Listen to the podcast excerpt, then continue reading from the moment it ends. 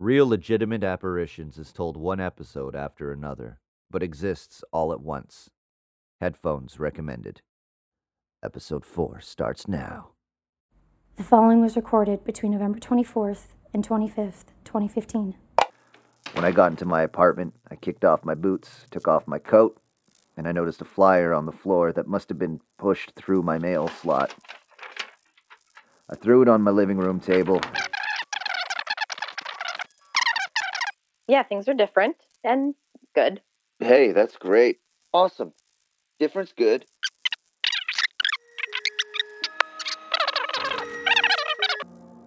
Ay, caramba! I dropped the phone on the couch beside me and reached for the flyer that was now on the table in front of me. It was a little folded City of Toronto flyer with the words, Get outside, with an exclamation mark. I opened it. Inside the flyer, in big black capital letters, was written, Dylan, I know what is happening to you, and I can explain everything. But first, you have to help me. And cramped in the bottom corner was a phone number. I know what is happening to you. How could anyone know it was happening? Was it one of the people I visited? Misha or Mrs. Truco? Was it Tom? Was it to a psychiatric ward who was going to come pick me up? And then I had a terrifying thought. Could it be one of the people I'd seen in my weird fits? The mustached man? The child in the bathroom? The second Misha? What's the worst thing that could happen if I called? Hadn't I just done a similar thing with my ex fiancee? Taken the leap and just called the number? I might as well continue. Right?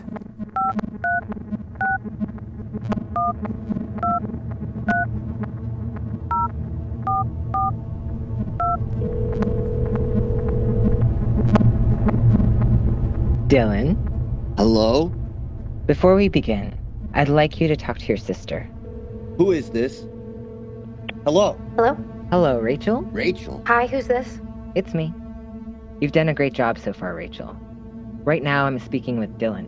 Dylan? Rachel, it's me. Dylan, what's going on? Yes, he's safe, but he's not where you'd expect.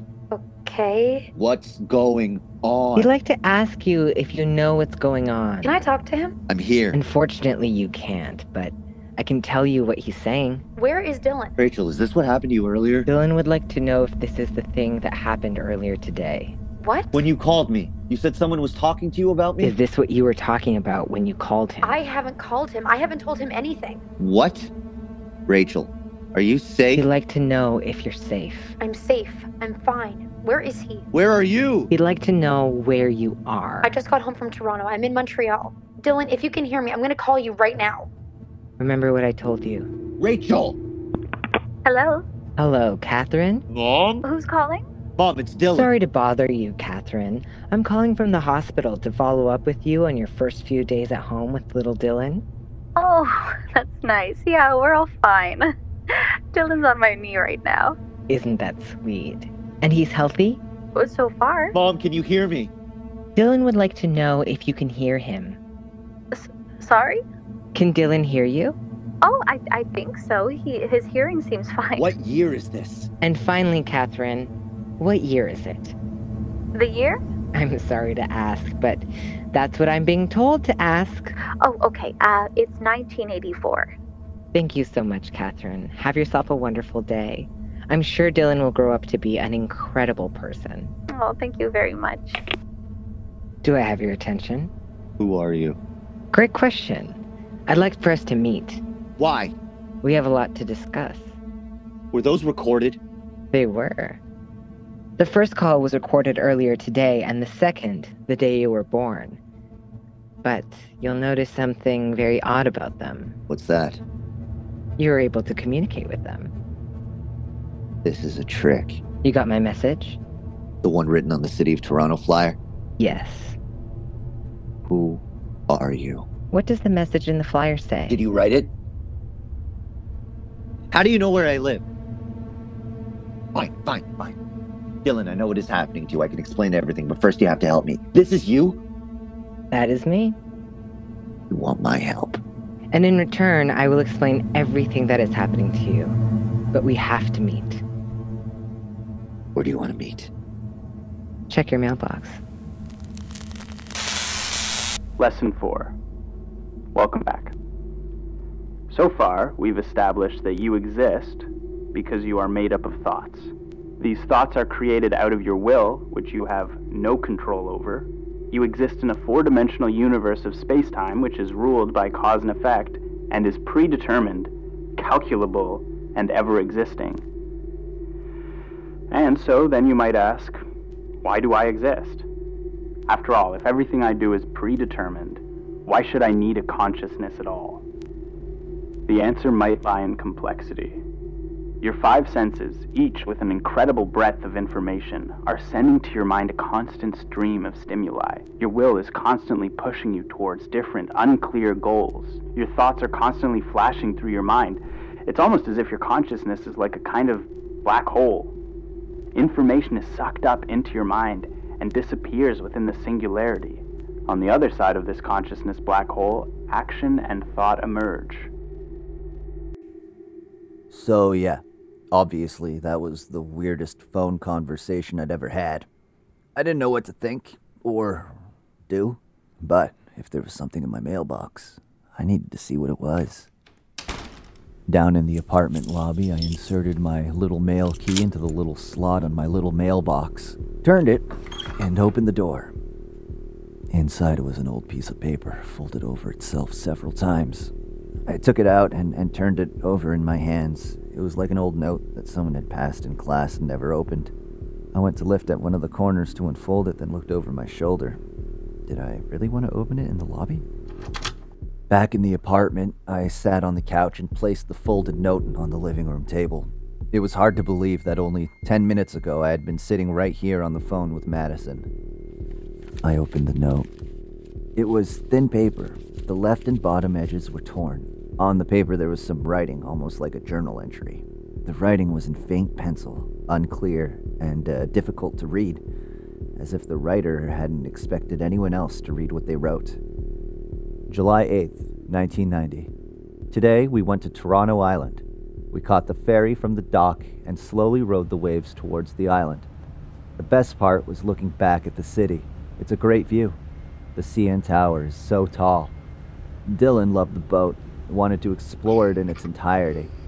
Kathy had a great time chasing him down, like she was both annoyed with him and also egging him on. We went to the crowded beach and rented this four wheeled bike, a quadricycle, and pedaled along the paths. We joined a little tour of the Gibraltar Point Lighthouse. Not much to see, really, but it's apparently very old. The guide unlocked this little door and allowed us inside, which he said was really rare. Dylan liked it inside. He kept wanting to climb to the light at the top. I swallowed and my heart started to race. I had a distant memory of going to Toronto Island as a child. I remembered us renting that red quadricycle. I remembered wanting to steer it. This would have been before Rachel was born. Kathy was my mom, this must have been written by my dad. I turned the paper over and found the word Nathan written. My dad's name. Below this faint, unfinished journal entry was block letters written in black ink, the same that had been written in the City of Toronto flyer. Meet me here at 11 p.m. tomorrow evening. An arrow pointed to the part of the journal entry that said Gibraltar Point Lighthouse. My phone buzzed. I immediately stood up, jammed my hand into my pocket, and withdrew the phone, expecting, maybe hoping, to see the phone number from the Parks flyer. Instead, I saw a name Thomas Bracknell. Hi, Thomas? Hello. Thomas, I, I just. And I bit my tongue. I had been about to spill everything that had just happened, but the fact that it, it involved my dad. Uh, what's up, man? Not much. I just want to touch base with you Okay. about that call you got from your sister today. But maybe holding back this information was going to be harder than I thought. Oh, yeah? Yeah. How's she doing? You said someone called her? Yeah. Yeah, seemed like she was pretty freaked out. Yeah. She was. But she's okay now? I, uh, I think so. Good. You okay? I felt like things were moving a little too fast for me, like I needed uh, to call a timeout. While Thomas was starting to become someone who I was getting used to, I still didn't trust him with anything that I didn't understand. And I definitely didn't understand this. Yeah. Yeah. But at the same time, what was my plan here? Was I going to follow this strange note and meet someone alone on an island in the evening? Someone who apparently had a piece of my dad's journal? We got a call. Sorry? Yeah, we got a call for another session. Wow. We're like coming in.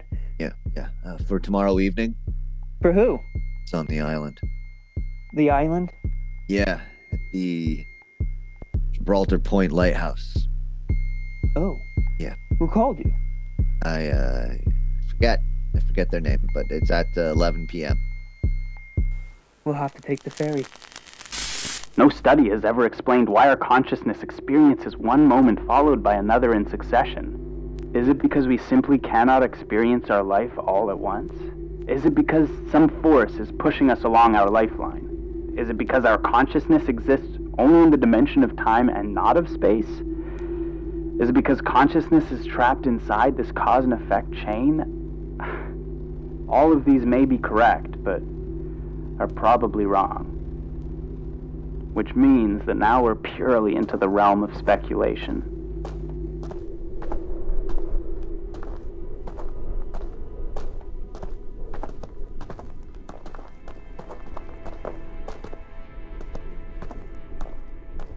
The sun had just finished setting.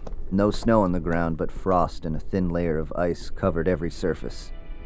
Tom and I had just stepped off the ferry and onto Toronto Island.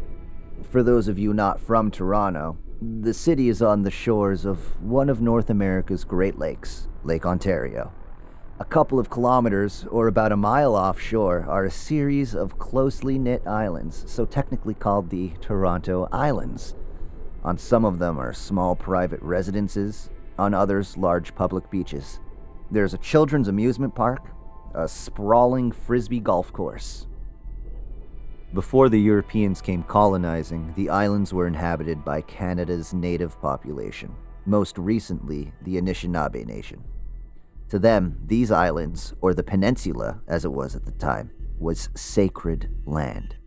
In 1787 and 1805, the British bought Toronto in the Toronto Purchase, but the Toronto Islands weren't included in the documents outlining the purchase, so the native people assumed that they could keep the Toronto Islands, but the British figured they were included in the package. Over 200 years later, in 2010, the Canadian government finally paid for the islands they had been occupying for centuries. So that's like, I sell you my coat and you also take my shirt. And I'm like, yo, the shirt's not included, but you take it anyway. Then 200 years later, your great grandkids send mine an e transfer for the shirt you stole. Anyway, the British built some garrisons on the islands. In 1809, they built a lighthouse at the southernmost point of the island. In the late 1800s, the island was developed with resort hotels and amusement parks. Large estates were built on the island along with a yacht club and a school. In 1897, a baseball stadium was erected where Babe Ruth hit his first home run into Lake Ontario. No idea who Babe Ruth is, but maybe you heard of this. When the states had their alcohol prohibition, Americans would boat over and have long benders on the island. It was like a northern Las Vegas. In 1937, a small airport was built. And 83 years later, Tom and I were standing on the concrete of the ferry terminal. Cold wind blew around our faces, our bags of equipment at our feet. Today, the island is sleepier than it was back then. I had my phone out and was zooming in on Google Maps to find walking directions to the lighthouse. Haunt Force? A young man was walking towards Tom and I. He had curly ginger hair and a matching goatee. He looked about 25 years old. He sported a backpack and a black coat with the City of Toronto emblem. He said our name, quietly, as if unsure of what he was saying. Hello? Yes? Hi. Hi. Hi. And we stood there in silence for a moment with clearly no idea between the three of us what was happening. My name is Dylan McRae, Chief Leader of Haunt Force. Thomas Bracknell, Executive Field and Operations Manager.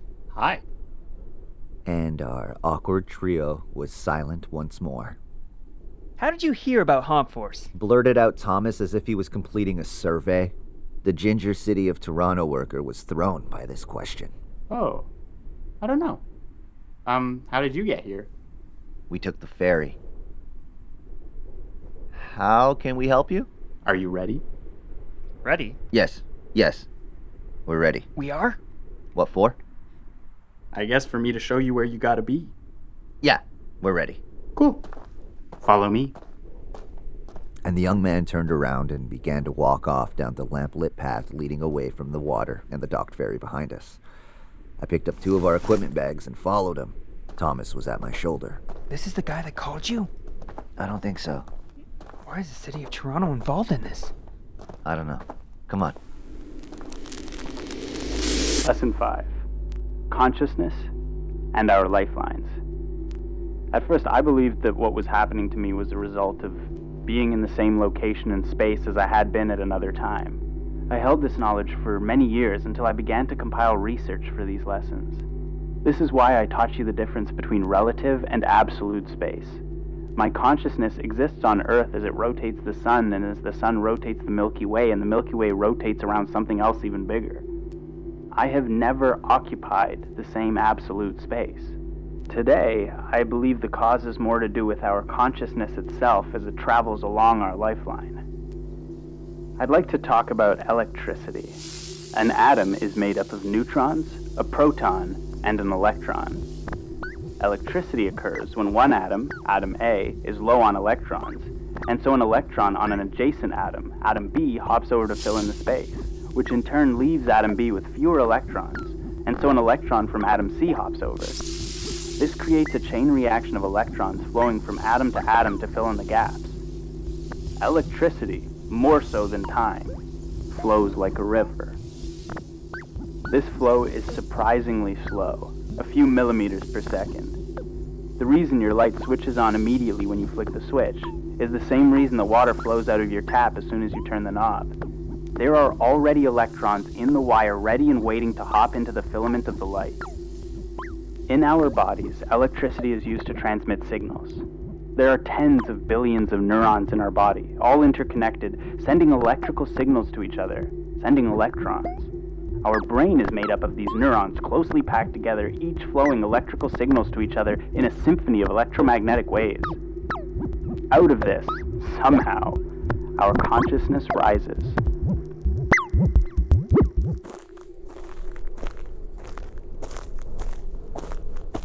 We'd been walking for about 20 minutes now, mostly in silence. The moon was out, full.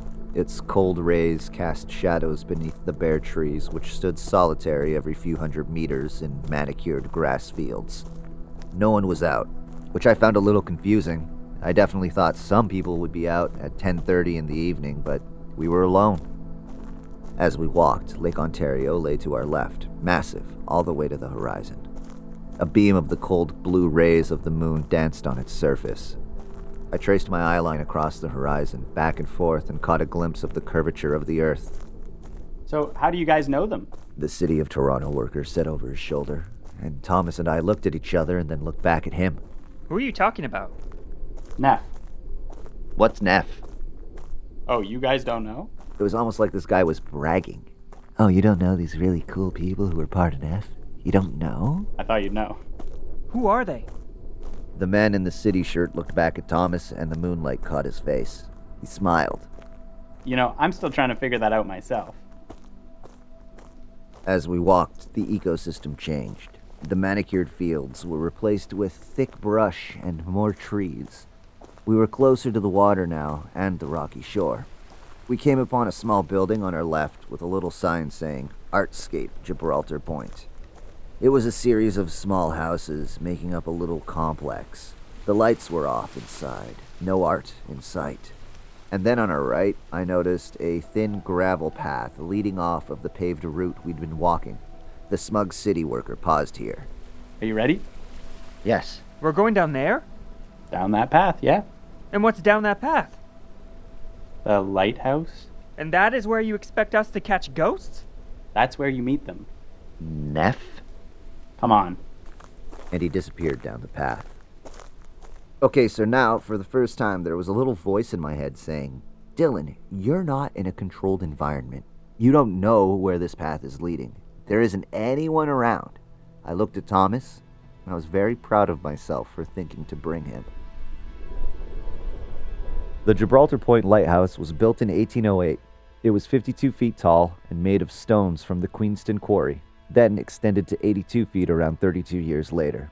Beside the structure was a log cabin where the lighthouse keeper lived. Every time a ship approached, the lighthouse keeper would run up the lighthouse and raise a flag to notify the Toronto harbor officials. At first, the lights on the top of the tower were lit with a candle. Then, oil lamp in 1832, then coal in 1863, then electric in 1917.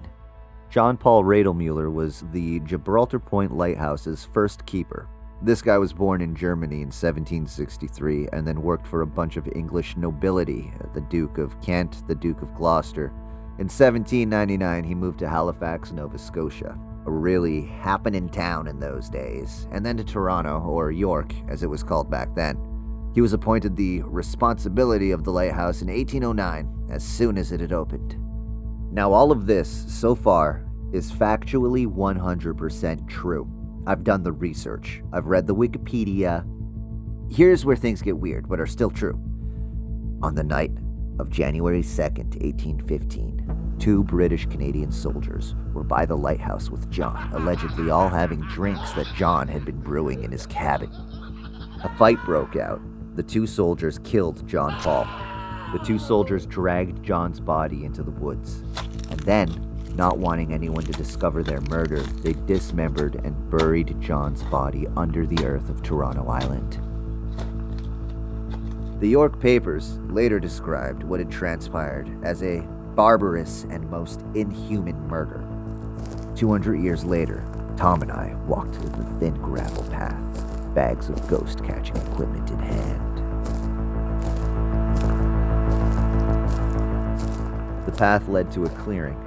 In the middle of the clearing, soaring 82 feet into the starlit sky, was the lighthouse. Moonbeams highlighted the hundreds upon hundreds of large stone bricks that made up the structure. At the top, a hexagonal fenced walkway surrounded a glass and steel dome. At the base of this lighthouse, an old red arched door was set into the stone. The lighthouse keeper's hut was gone. No light shone from the glass dome. The building stood like a skeleton of what it once was. All right, we're here. Yelled the city worker. He wasn't saying it to us, he was saying it to someone else. Some others. Silence fell over the three of us, and we all turned our heads, looking into the depths of the black forest for a sign or a sound, and then, from an indiscernible direction, Can you hear it? Feel the spirit? Okay, okay, okay. Pause, okay? So even just listening back to the footage makes me almost freaking die of fear. Or not fear, more like uncomfort. Um unexpectedness. So I just want to make it clear for you exactly what this means. Over the course of this journal, you've heard certain references, uh, certain moments of happening in which those words, that tune, has uh, come up. And I heard something, faintly, as if from far away. A song. The song. I always kind of heard a song, but only in that house. And it wasn't like it was stuck in my head. It was as if I could really hear it. I heard the water gushing in the tub, and the song erupting as if from nowhere. Have you guys ever heard this song? What song? Try me. Can you hear it? Feel the spirit? I whipped around and looked into Thomas's eyes, which reflected shock. I looked to the ginger city worker. He looked puzzled. I strained my eyes and stared into the black woods, trying desperately to see where the words came from. But they poured from nowhere in particular. Can you feel it? Can you hear it? What's next? The city worker was looking at me questioningly. Thomas was looking at me expectantly. Um, ugh, um, Can you feel it? Can you hear it?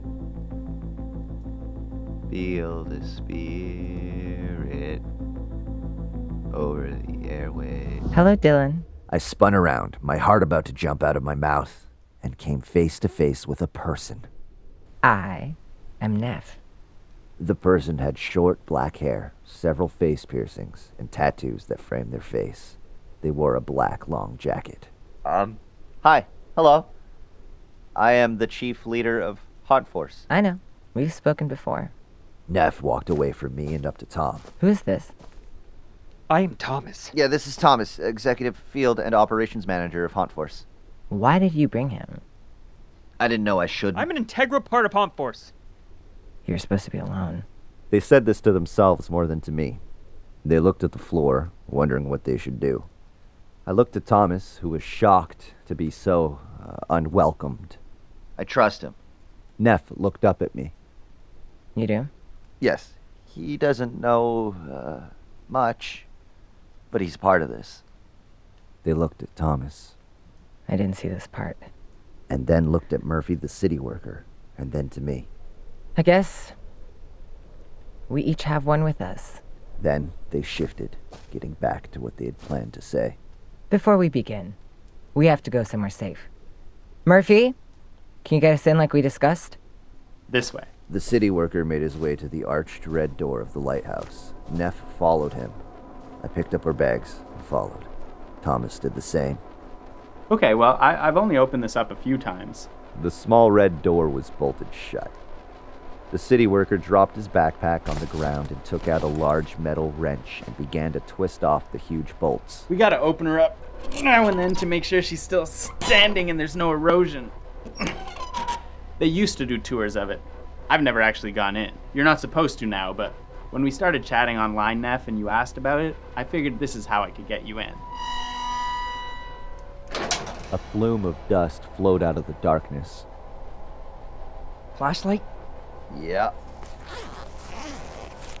Oh, nice. Gummy bears. Yeah. Tom had taken out a Ziploc bag of his snacks. Today it was gummy bears, as he rifled through his bag for the flashlight. Here, flashlight. Thanks. All right. After me? Oh, it's like entering the belly of Kronos. I looked to Thomas. I'm next. I tried to tell him with a silent pause that I was sorry about all this. Go ahead. I'll watch your back. I ducked through the small doorway. I shone the beam of my flashlight into the dark chasm and caught Neff's eyes. They glowed the way a lion's does in the dark at photographers. The air tasted stale, dusty, and of rotting wood. The room was tall, cavernous. My flashlight caught small, cramped stone steps that led upwards in a spiral against the wall. About 50 feet up, the stairs met another level, where wooden beams held up a wooden floor.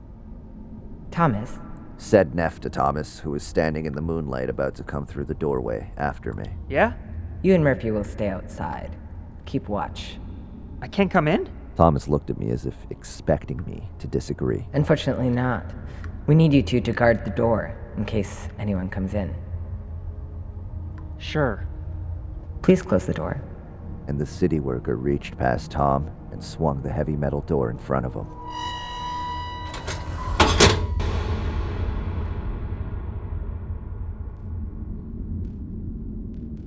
During a seizure, the regular flow of electricity in the brain is disrupted by sudden synchronized bursts of electricity, a storm of electrical signals going haywire, an overflow of electricity.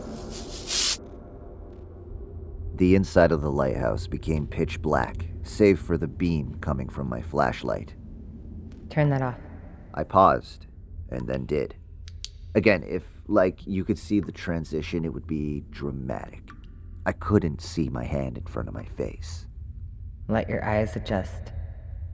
I waited, suspended in darkness. There was a little light, I noticed, glowing from the wooden floorboards above.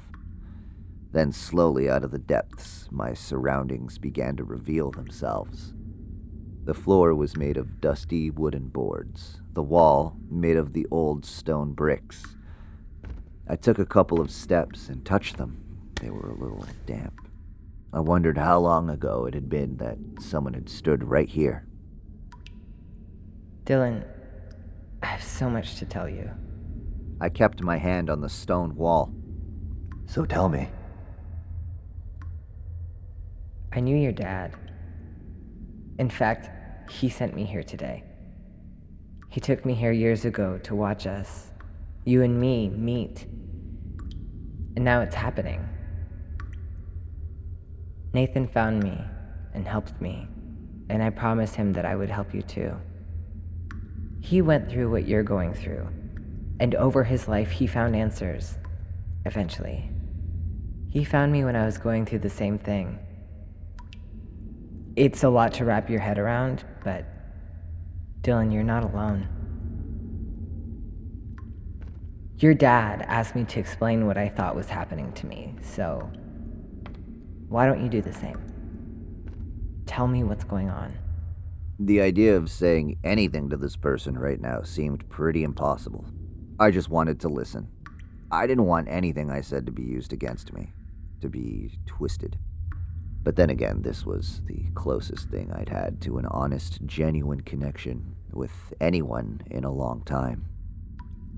I've been seeing things.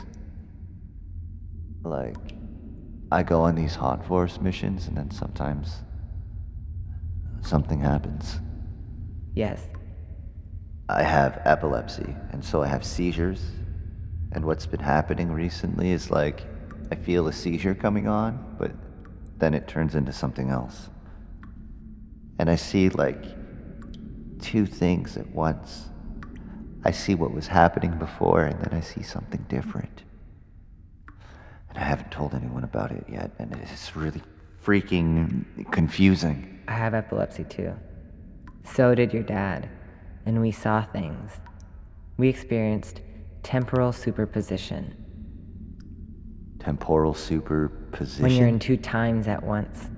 It's what you see when you have your movements. That's what they're called. What you see is another time. When consciousness overloads a certain location of your lifeline, it can jump and occupy two times at once. That's what Nathan's theory was, anyway. The future and the past and the present exist simultaneously, the same way space does. Like the top and bottom of this lighthouse exist simultaneously. That's kind of the basics of it. That's gonna be really complicated to explain to a psychiatrist. Yeah, you can't go to a psychiatrist. So on the phone when I spoke to my sister and my mom. Yeah. What do you think happened? I was talking to a different time. I was. It's a method that your dad came up with. I called your mom, Catherine, the day you were born, and had a movement to our conversation yesterday. And the same with my sister? Yes. They couldn't hear me. No, because your voice on the phone wasn't part of the movement. Nothing can really travel through time. When you have a movement, you can only see and hear, taste, smell, move like you did another time in your lifeline. So I repeated what you were saying so that in the phone, Catherine and Rachel could hear what you said and respond. I also released your dad's fortune to you. I sent Mrs. Truco to you. I messed with Misha's bathtub and gave her your phone number. I know, it's a lot at once. So, I said I needed your help. Yeah. I've kind of been working up to this moment for a long time. I've seen this before, our whole conversation. Tonight, I'm completing the circle. I need you to go into a movement. What? Your first purposeful movement. What will I see? You will see the other time that your consciousness was in this space, inside this lighthouse. I'll be here with you every step of the way. Do you remember the last time you were here? Mm, not really. I remember the day vaguely. The one that Dad mentioned in the note. I was super young. Oh, yeah. That's gonna be good. But I, I, I don't remember coming in here. Well, I can tell you this nothing bad happens in your movement. What do you mean? I've seen you make the movement you're about to go on, and it goes off without a hitch. Go ahead. I can't just do it. Yes, you can. It's hard work the first time. Can you aim? No. It's when you push yourself upward to the future or down to the past. I can't do that. It's a skill. You'll get it eventually.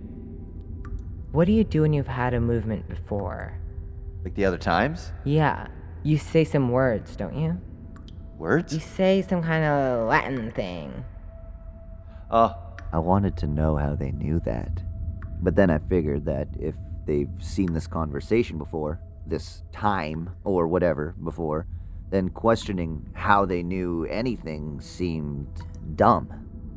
And then it occurred to me that if they'd seen this conversation before, and I were to say the Latin words now, maybe that's how they already knew about them.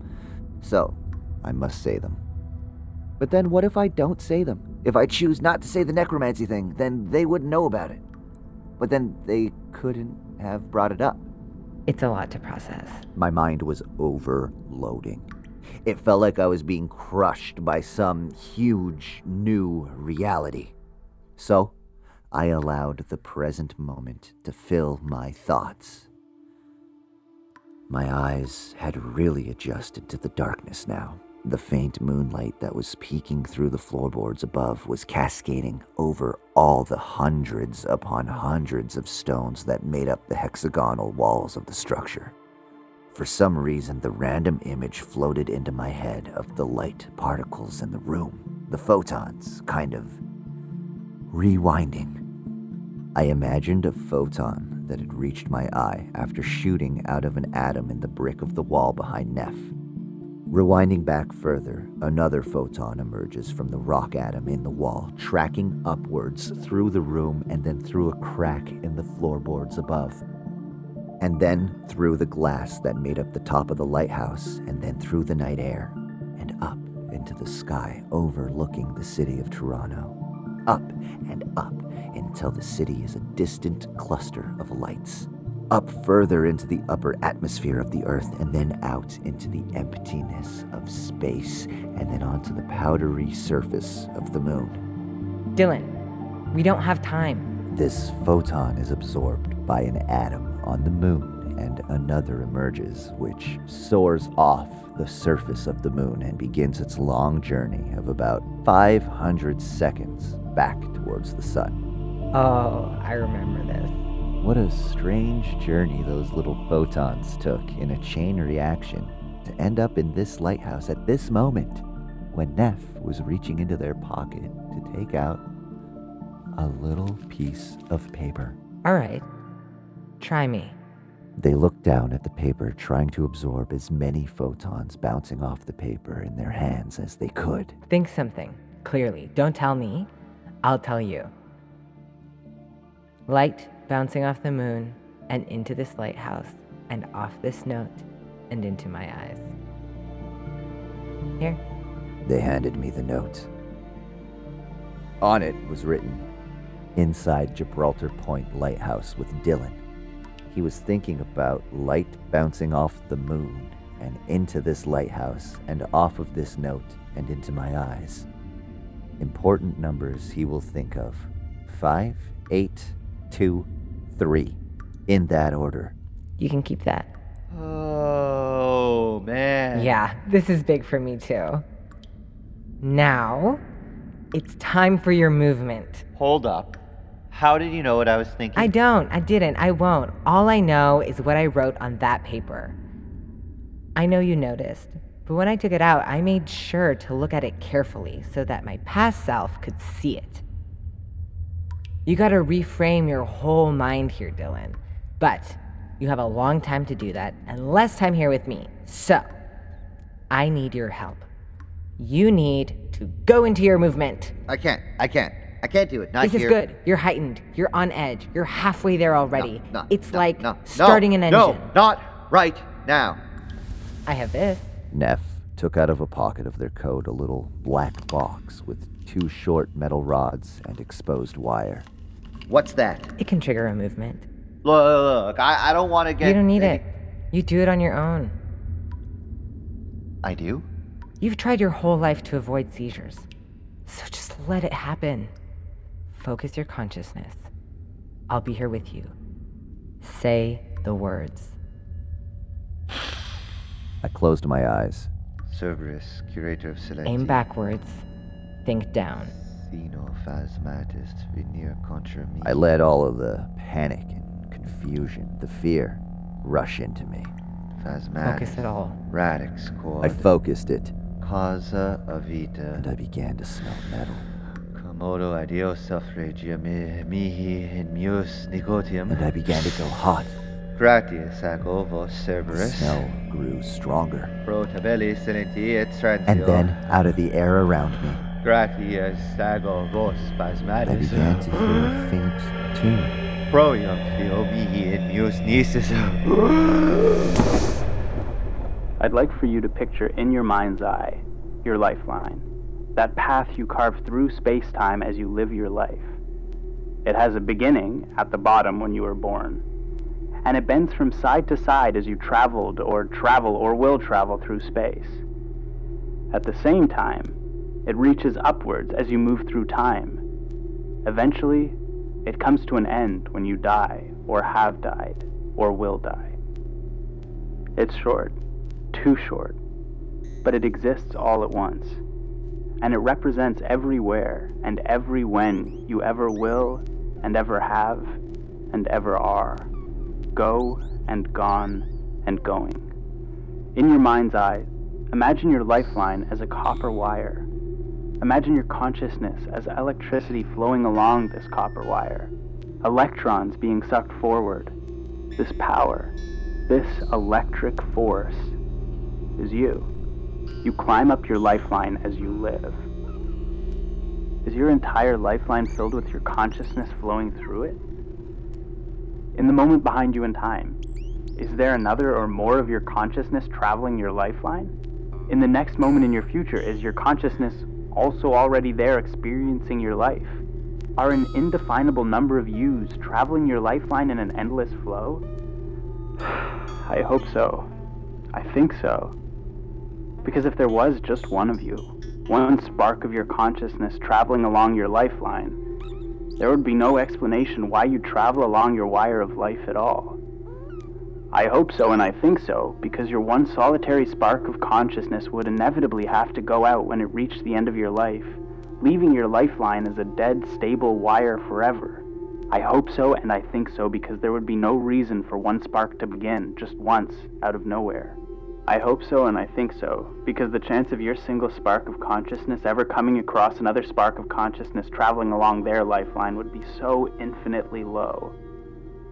If there is, or was, or will be only ever one of you, then when you look into someone else's eyes, you would not be looking into another's consciousness, but only into bone and flesh that are held in place by space time.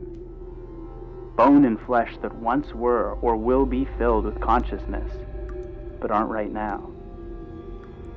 And that thought tears me apart.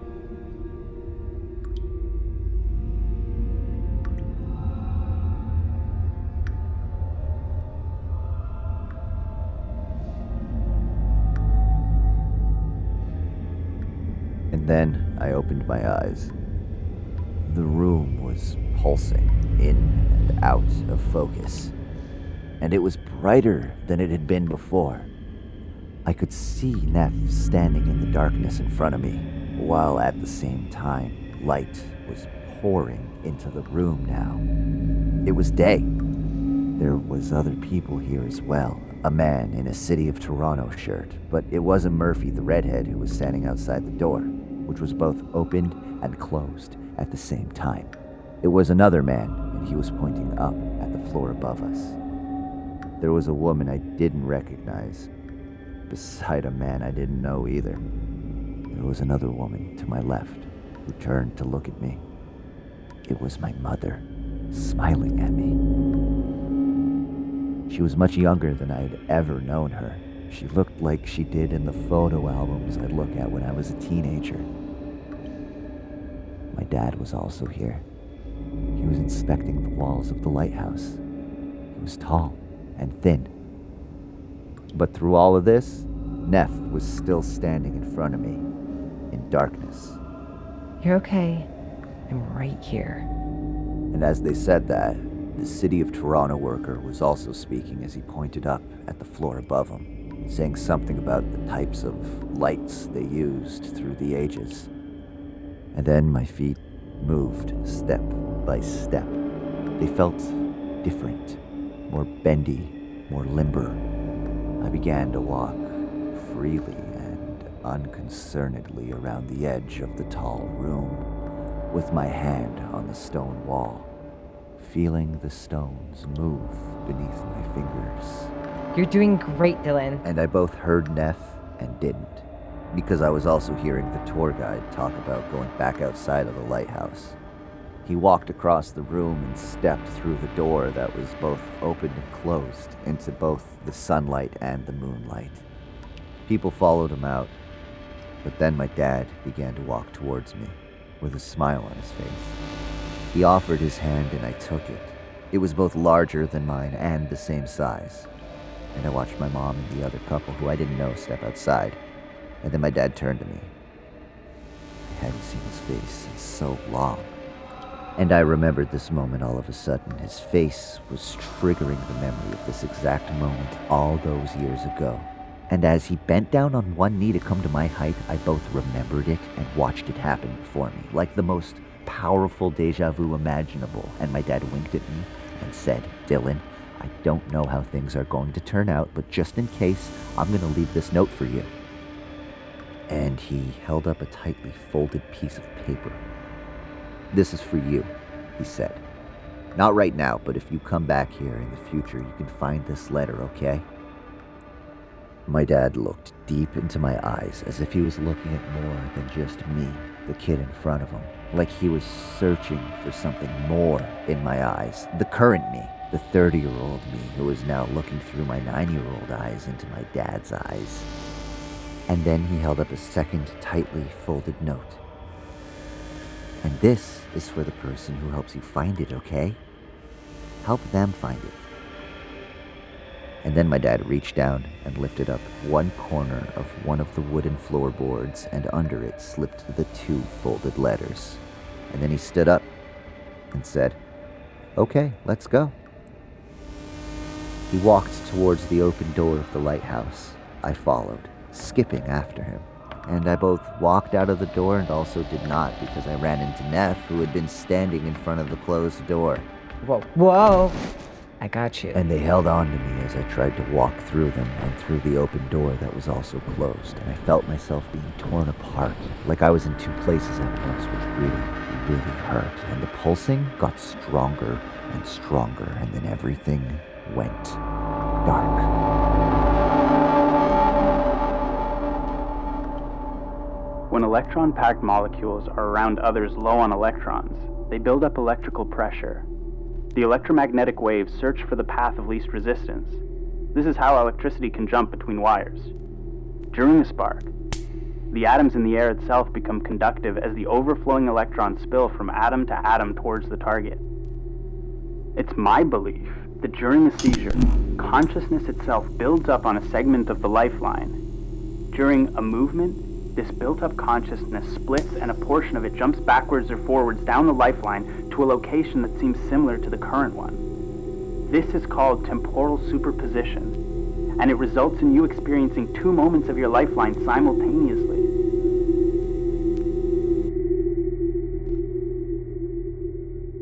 I opened my eyes and saw the darkness of the inside of the lighthouse. Only one lighthouse. It's a lot easier taking life one lighthouse at a time. Neff was standing over me. It's not an easy thing to go through, and it doesn't get easier. They held out a hand and I took it and slowly came to my feet. You want to show me where that note from your dad is?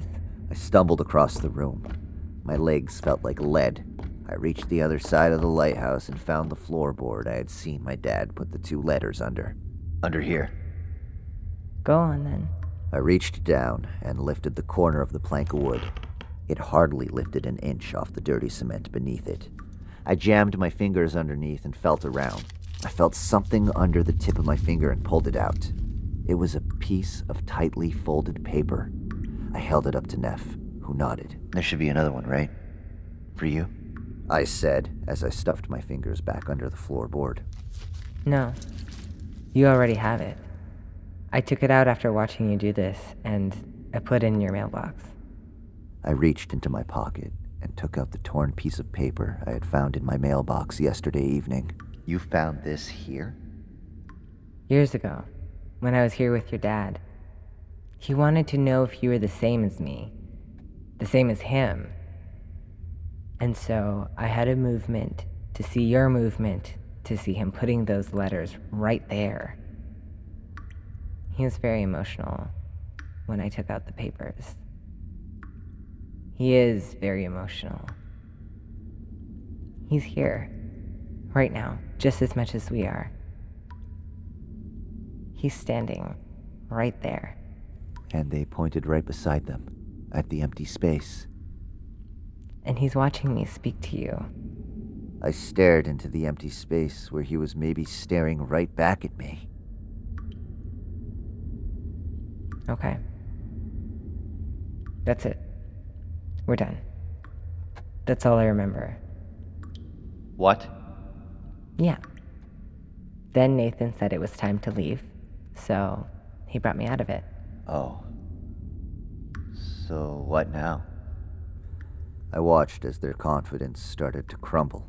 They seemed nervous. You have the note. So now we get out of here, I guess. Okay. Wait. And now they seemed really worried, as if something was going to grab them out of the darkness of this lighthouse. What? I've never seen anything beyond this point. Ever. What do you mean? Of all the movements I've ever had, of all the parts of my future I've ever seen, this one right here that ended with you and your dad looking at each other, that was the furthest into my future I've ever seen.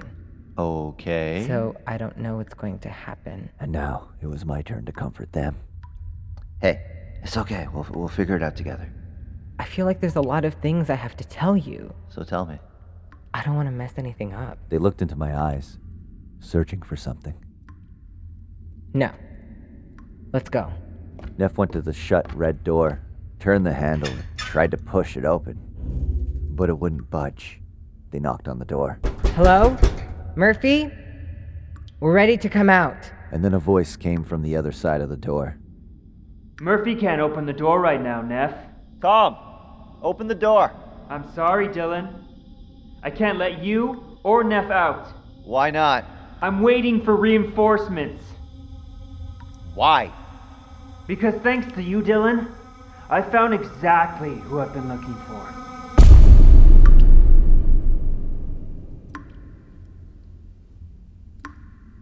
You can follow this story on Instagram and Twitter with at RLA Series. Please consider visiting patreon.com slash RLA Series to support the show and reviewing it on your favorite podcast app. Thank you for listening. This podcast has been brought to you by the Sonar Network. Sonar!